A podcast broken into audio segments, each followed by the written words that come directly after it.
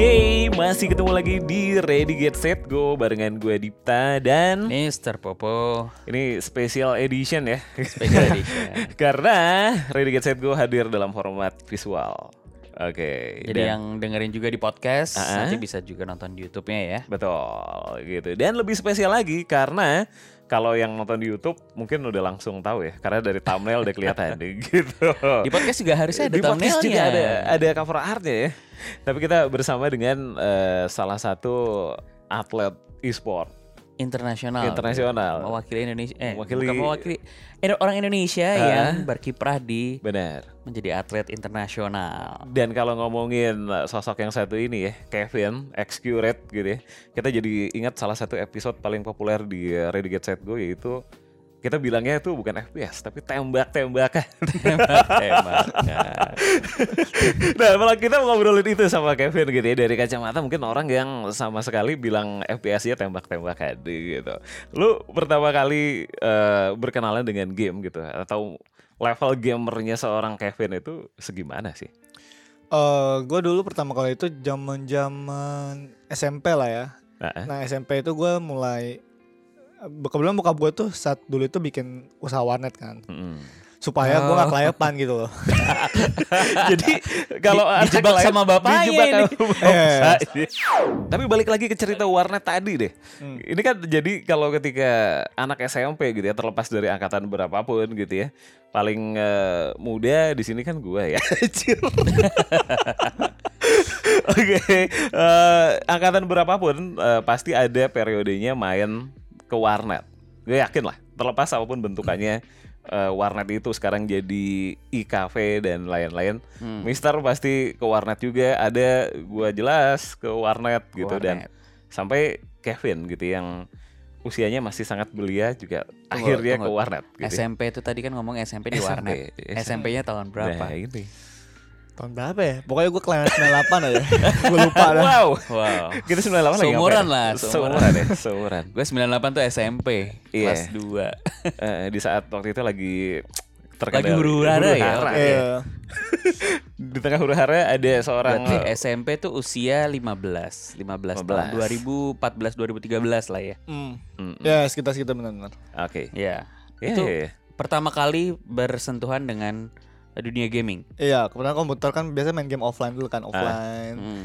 Nah, habis itu pas makin sini mulai main game online nih gue nih. Nah, Ah. sebelumnya itu sebenarnya gue sebelum menjadi pro player tuh gue dulu rajin banget main bola. Mau jadi atlet bola sebenarnya dulu. Main bola asli beneran Jadi Serius, atlet serius, beneran Iya serius, karena gue pas itu mau di- bener-bener mau masuk sekolah bola. Oh, ya? udah difokusin terus akhirnya pas. SMP itu pas udah kenal komputer, game Ah. online, makin lama makin berkurang buahnya. Wah seru nih game main, main, Oke. main, main, main sampai sampai sekarang jadi.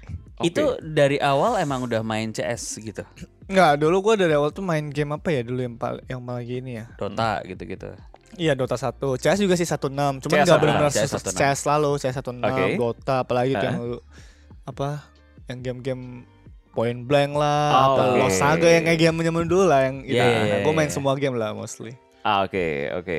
Nah, tapi kalau tadi bilang dari game offline ya, lu masih inget gak sih? Pertama kali lu oke, eh, ini game yang bikin gue bisa teralih gitu dari bola ke game gitu. Itu game apa sih? Game Kalau yang bikin benar-benar teralis sih sebenarnya game online ya Cuman Oh, kalau game misalnya online. game offline dulu gue main Apa namanya Pokoknya dulu tuh dia kayak bang eh, Apa ya Battle Rooms tau gak lu? Battle. Nah, tahu. terus lagi ada yang Eh, Command and Conquer apalah. Oke. Yang Gua pokoknya main yang Command Conquer General. Iya, yang bangun-bangun. Iya, nah, iya, itu iya. tuh Yes seru nih. tuh kadang-kadang. Iya. ya. Belum nggak ada FPS cuman dari situ pas udah ada Eh. online baru nih, uh online lebih seru nih. Iya, Ketemu iya. orang gitu. Jadi kalau ditarik ke belakang sih jauh banget ya dari tembak-tembakan tadi itu. Iya makanya. Jauh banget Nah, ya? eks- iya nggak ada yang ini juga. Tapi gue penasaran sih ketika bapaknya punya usaha Nah, warnet, itu. Anaknya dicemplungin ke warnet Biar nggak main instead of main keluar gitu. Iya. eh, emang bapak lu nggak marah gitu ya? Lu main game terus gitu. Padahal kan dulu Eh. di zaman gue gitu ya, kecil main game itu sebuah momok negatif gitu ya. Kalau pas Iya. zaman dulu kebetulan eh, nggak marah sih soalnya emang Ah. bokap gue tipe orang yang lu kalau misalnya bisa dipantau lebih bagus daripada lu kelayapan terus pulang malam, kelayapan pulang malam. Oke. Nah tapi di satu sisi juga ya akademi gue ya not bad bagus jadi kayak balance lah. Fine fine ya. Ya. Oke, sebagus apa nih? Lu ranking dulu. ya dulu zaman SMP itu ya top 10 lah oke lah. Oke. Masih oke lah. Masih mantap gitu. Terus menanjak dari zaman SMP mulai menseriusi eh, game sebagai hobi yang lebih lebih mendalam. Mungkin lu SMP main berapa jam sih? Zaman warnetan itu lu main berapa Pokoknya jam gue sehari? zaman SMP itu pulang sekolah udah pasti di warnet sampai Malam. at least malam jam 6 jam 7 lah pulang. Berarti ya katakanlah Oke. 6 7 jam 6, 7 ada jam. kali Ya, ada, ada. Oh. Lama juga ya. 6 7 jam menatap layar. Dulu layar udah CRT apa masih ini ya? Ma- udah LCD apa masih CRT? Masih tabung kayaknya dulu. Enggak ya? Nah dulu dulu, udah ya? dulu udah Udah mulai yang 75 Hz itu loh ada. Wis. Udah- yang 60 yang udah udah udah mulai udah mulai yang udah iya, sampai sana ya waktu itu. Udah ya? udah sampai waktu Oh, itu. Oke, oke, oke, oke. Nah, tapi gimana? Jadi gimana? Ketika lu oke, lu main 6 jam sehari, tapi itu belum kompetitif kan? Belum belum belum. Cuma belum kayak ya lu tau lah bocil-bocil kalau kawannya kan senang tuh main-main Ah. aja udah intinya seneng-seneng aja. Itu nggak dijebak bapak lo untuk coba eh, jaga warnet juga? Sempet gitu. Iya jadi maksudnya udah lo main di sini, lo bebas tapi lo jaga juga gitu. sempet ya gue juga dulu sempat kayak gitu juga. gitu. kadang, kadang kadang kan kadang kan nggak ada pegawai kan kadang tuh mungkin lagi makan lah apa terus coba ada orang ini terus gue yang ituin oh iya iya. Oke, oke. Kesenangan bera- berawal dari situ ya berarti Iya. ya. Oh. Terus tadi pertanyaan gue, ke- kapan ketika lo menyadari bahwa ini menarik gitu ya untuk untuk gue seriusin ya? Artinya nggak sekedar cuman main di warnet, eh, bantuin bokap.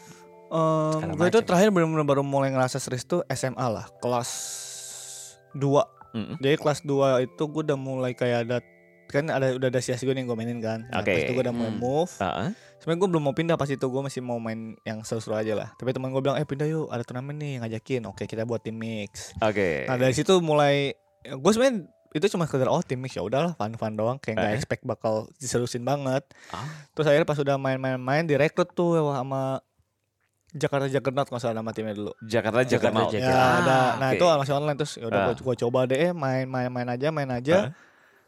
Keterusan sampai sekarang gitu. Oke. Kalau di awal itu udah ada ini, maksudnya eh, ketika rekrutan pertama bikin tim pertama, Kompetisi. udah, udah ada kompetisi dan ada uangnya gitu. Eh, udah ada sih, udah ada, udah, Udah ada. ada. Cuman gue lebih ikut yang pertama yang ada qualifier ke luar negerinya gitu lah. Oh. Ada. Dari dari pertama Dari pertama nyoba udah Dia pertama nyoba udah ikut yang turnamen saya soalnya. Wah,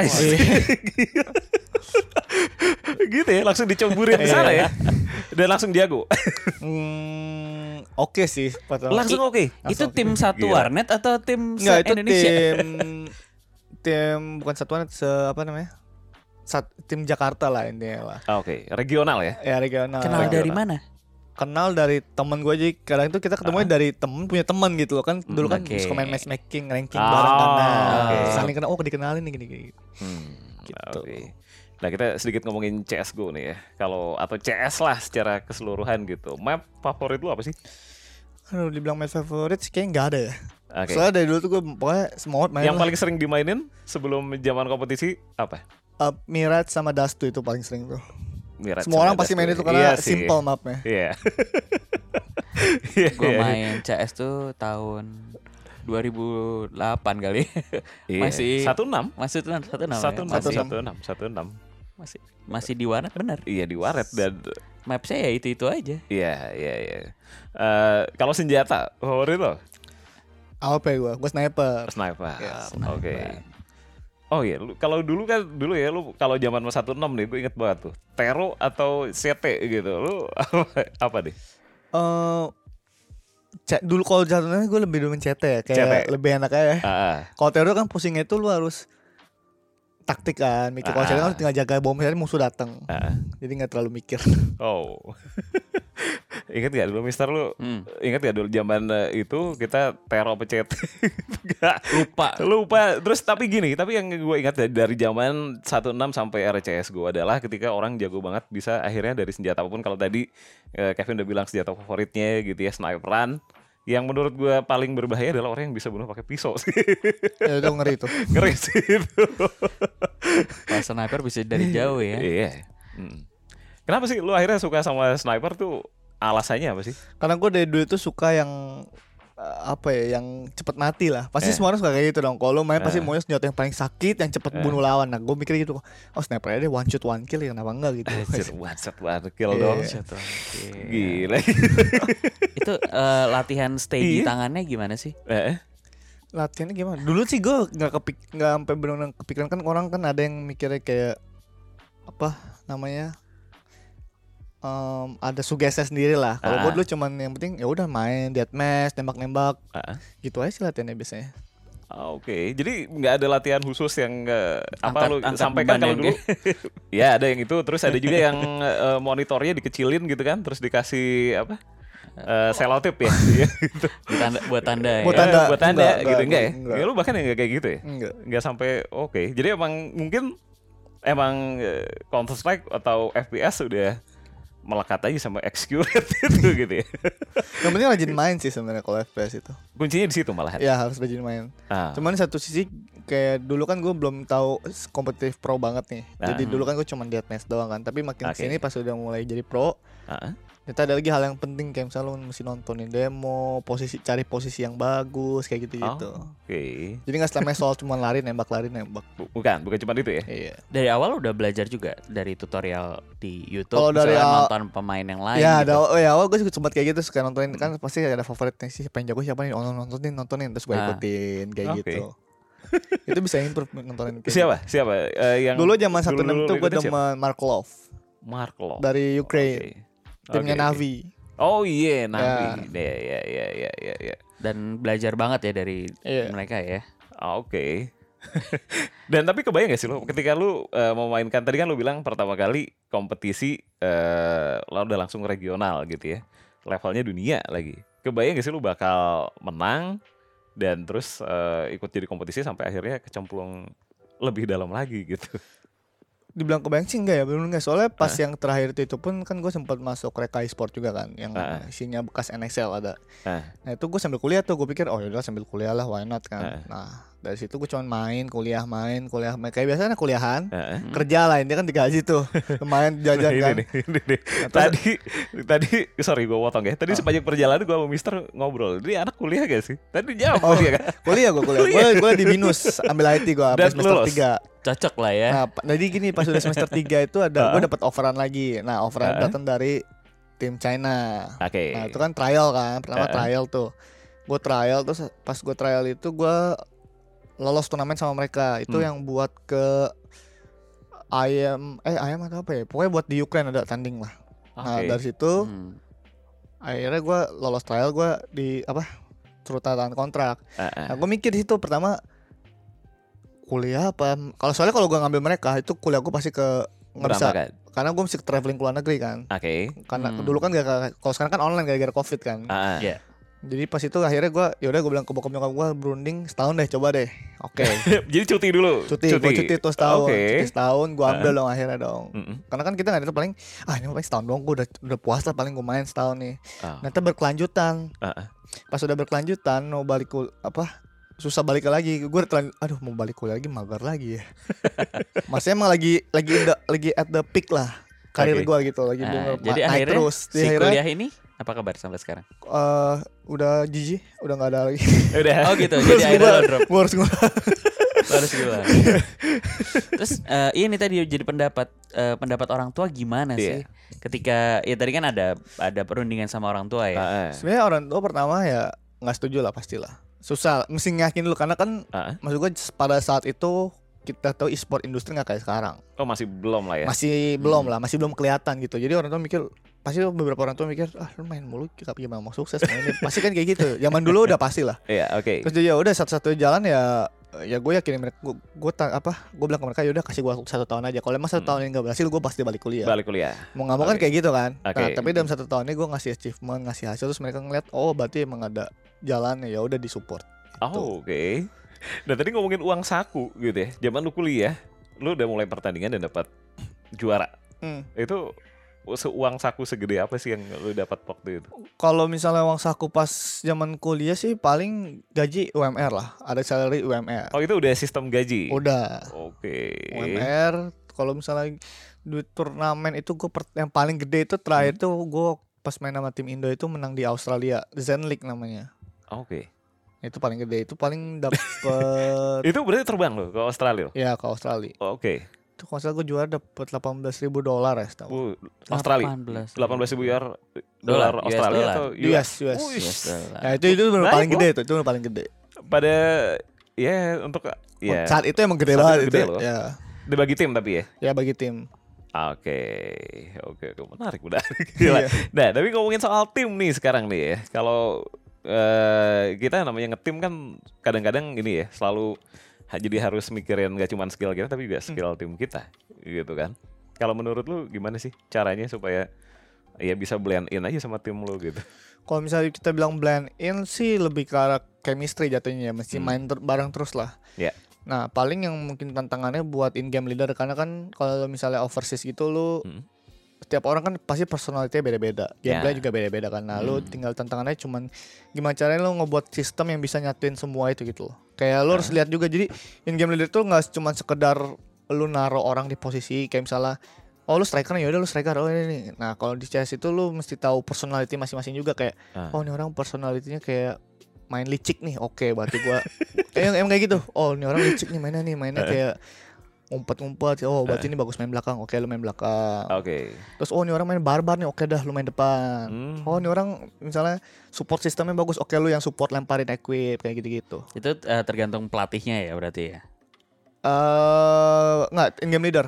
Oh, kapten ya kapten, karena kan ya. kapten yang ngebentuk ini kan. Kalau pelatih di CS itu lebih ke arah dia yang eh, ngebantu ngebalancein semuanya lah. Kayak Oke. jadi kalau pelatih itu menurut gua guna itu cuman biar di tim itu nggak ada yang sendak jidat gitu loh maksud gua dalam artian nggak ada Ah. yang berasa superior banget lah Hmm. jadi Ya, misalnya pokoknya ini tim permainan tim lah bukan ya permainan jadi nggak bisa individu. satu orang ini merasa paling jago lah inilah Ah. terus sombong apa kayak misalnya emosian lah ini nah pelatih itu yang buat nahan orang itu supaya nggak boom jadi Oke. lihatnya cuman kayak in game leader fokusnya Nah, Buat buat teman-teman yang belum tahu nih, ketika lo masuk ke sebuah tim, apalagi tim yang internasional gitu, kehidupannya kayak apa sih? Kehidupan Hmm. pelatihannya, kehidupan sehari-harinya gitu.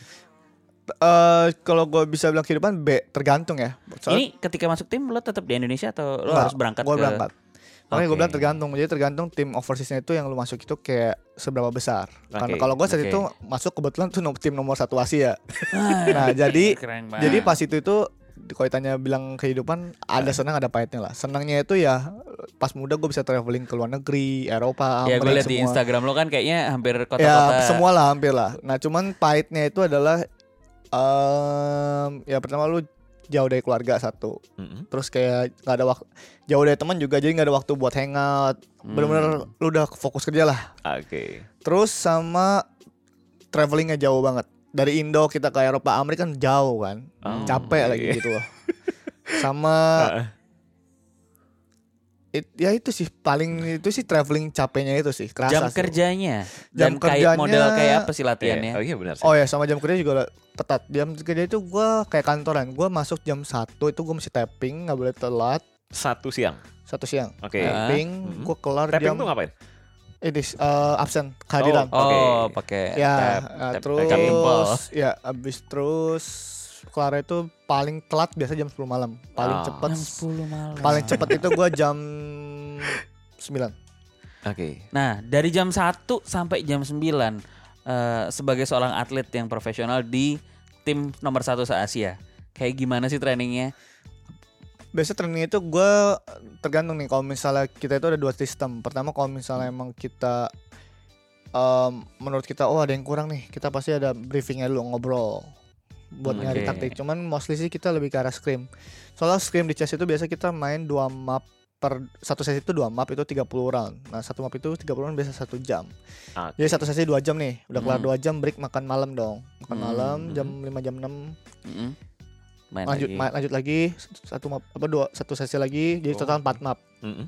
berarti kelar jam 8 jam 9 Itu lawannya siapa kalau lagi dalam eh, satu Asia pelatihan gitu? satu Asia yang lagi viable aja kayak misalnya gue God. 5 nih Ah. oh ada nih misalnya tim Korea oke main oh ada tim ini main Berarti sesama atlet juga dong. ya semua atlet semua Oh. Oke. Oke. Dan ngomong-ngomong ya, katanya e-sport eh, di kalau yang internasional ada latihan fisiknya juga. Ada juga.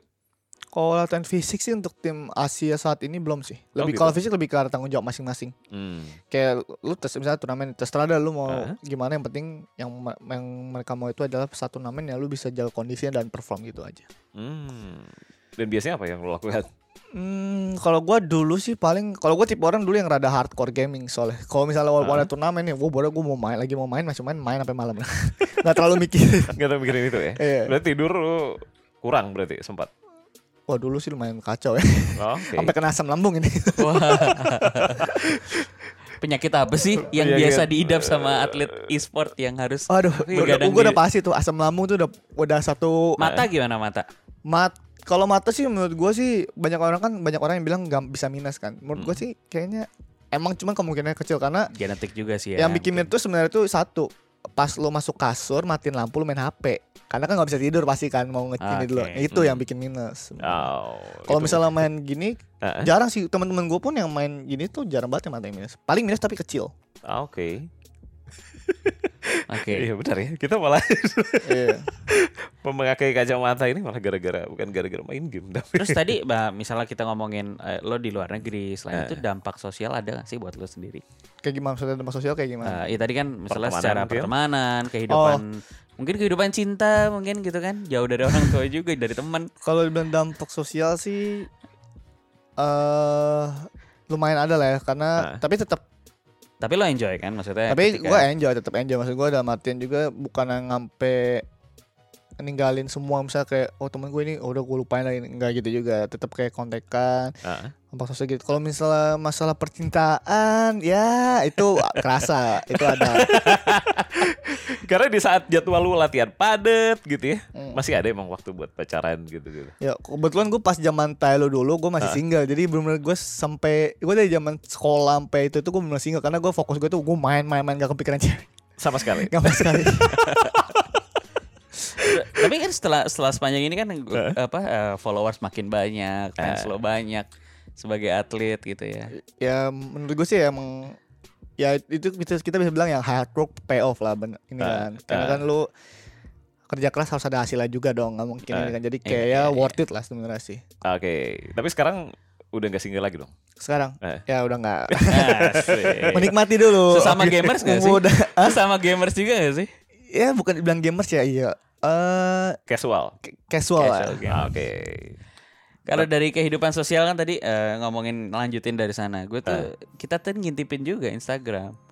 Kayaknya si eh, Excurate eh, Kevin ini Mm-mm. Eh, yang ditunjukin hanya gaming gitu. Gue Iya. pengen gue pengen tahu kehidup- Personal life-nya Ah, personal life. Apa lo punya eh, akun Instagram yang oh lain? nggak ada gitu? nggak ada nggak ada Terus kehidupan lo yang lain kayak apa sih? Soalnya oh kalau gue emang tipe gitu gue tipe orang yang apa ya kalau misalnya misalnya contoh Instagram deh, ya, gue Hmm. jarang kalau misalnya lagi hangout sama teman gue emang jarang jarang apa ya gue tipe jarang orang yang posting jarang ya? posting soalnya gue lebih karena mau apa enjoy quality time gue gitu sama teman-teman Oke. hangout dan lain-lain gitu Ah. cuman at some point misalnya kalau emang lagi ada acara event tuh untuk temen Ah. gue ulang tahun atau apa nah mungkin tuh gue baru cuma kalau misalnya cuma jalan-jalan kita mau ini hangout ini gue jarang upload Ah, Oke. kayak kita lebih karena mau nggak mau main HP lah intinya kan Oh, gitu. gitu kan see. Jadi emang si akunnya ini ditujukan buat eh, ya si karakter, si karakter orang iya pemain benar-benar sama Eh, memaintain profesional brand lah. juga. Nah, Cuannya dari situ. Ngomongin brand ini kan pasti ya namanya atlet gitu ya pasti banyak banget lah sponsor gitu kan dan lu juga brand ambassador uh, Logitech G Ya. kan gitu. Nah seberapa penting sih menurut lu pakai eh, peripheral gitu? Kalau Mister mungkin ah apa aja yang penting eh, bisa ada keyboard dan mouse. Kalau gue dulu eh, milih-milih ya karena lebih karena cari pengen enaknya aja jago mah enggak gitu. Kalau menurut lu positioning si gaming gear atau eh, peripheral itu Ya apalagi untuk Mm-mm. sebuah eh, sport yang perlu presisi ya. Iya. Lo sebagai sniper kan. kalau misalnya peripheral sih gue menurut gue gue bisa bilang penting Ah. penting karena gue ambil contoh zaman dulu yang pas gue bilang SM zaman zaman SMA lagi main Ah. kan dulu kan jarang ada maksudnya mau sekarang kan udah canggih nih kayak ada DPI-nya Ah. softwarenya Iya. jadi lu kalau contoh lu ada mau ke warnet mau ke LAN settingan lu itu bakal sama tapi Oke. kalau dulu sekarang tuh kalau dulu itu karena nggak secanggih sekarang Hmm. lu mau ke warnet pasti feelnya beda contoh Hmm. gerakan mouse lu kecepatan lah kan ada beberapa yang nggak bisa disetting lah Hmm, mouse iya, kan iya, kayak iya. gitu kan Hmm. makanya gue bilang peripheral tuh yang sekarang penting banget Semuanya tuh.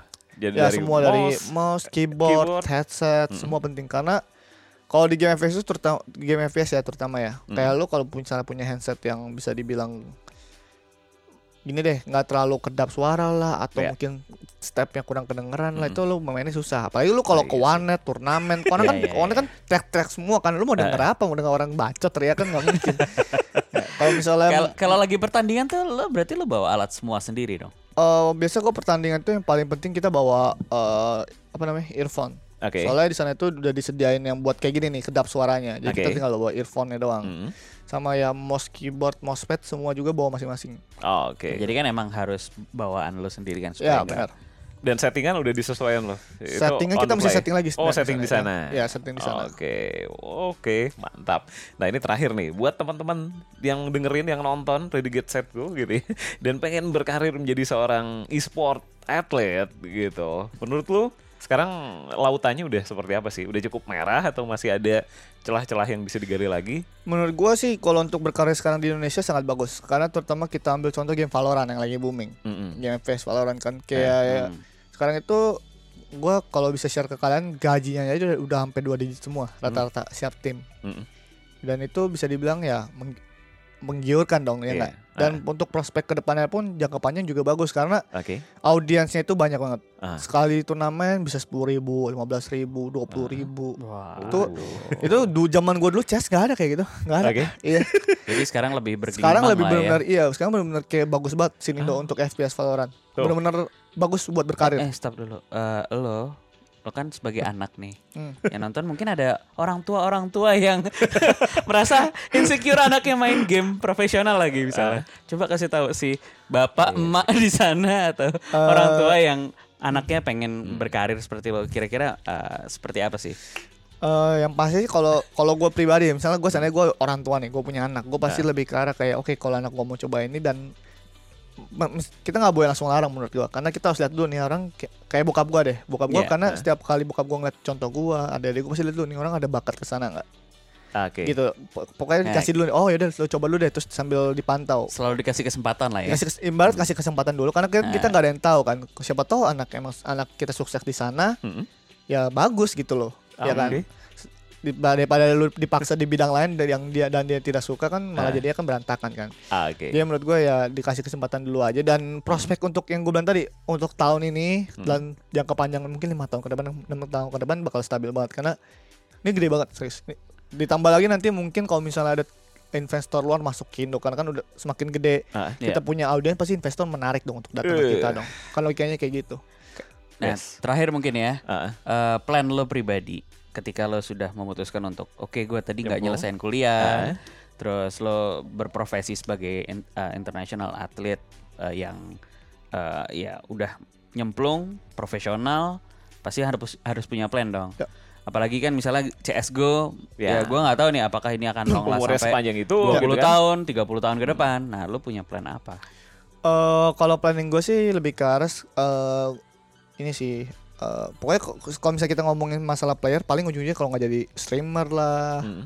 coach lah, atau enggak Oke. mungkin ada yang apalah. Nah, Masih di ekosistem e-sport ekosistem pasti. Cuman kalau gue bisa saranin kan kita Hmm. kan berkarir di sport tuh pasti kita ketemu banyak orang juga kan. Mm. Nah, jadi kita itu belajar yang namanya koneksi juga. Oke. Koneksi networking semua dan stuff. Jadi paling planning gua saat ini gue lagi mau sambil learning business. Oke. gitu jadi kayak gue tipe orang soalnya yang suka challenge gitu loh maksud gue kayak aduh gue belum pernah nih nyobain bisnis gini oke gue mau belajar mau dapat Iya. ilmunya gitu loh Oke.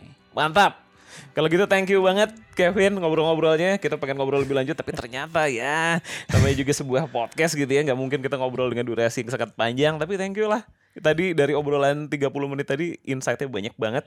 Mudah-mudahan yang nonton dan yang dengerin juga bisa dapat insight-insight menarik. Dan terinspirasi juga menjadi Yes. atlet Ah, ah. wakil Indonesia yang Yes. semakin booming sekarang. Ah, ah. Oke, thank you sekali lagi Kevin. Oke. Sukses terus Yes, semua Kevin. rencananya. And see you next episode. Gue Dipta dan Popo. signing out and bye bye guys. bye Bye-bye, guys guys. Ready, get set.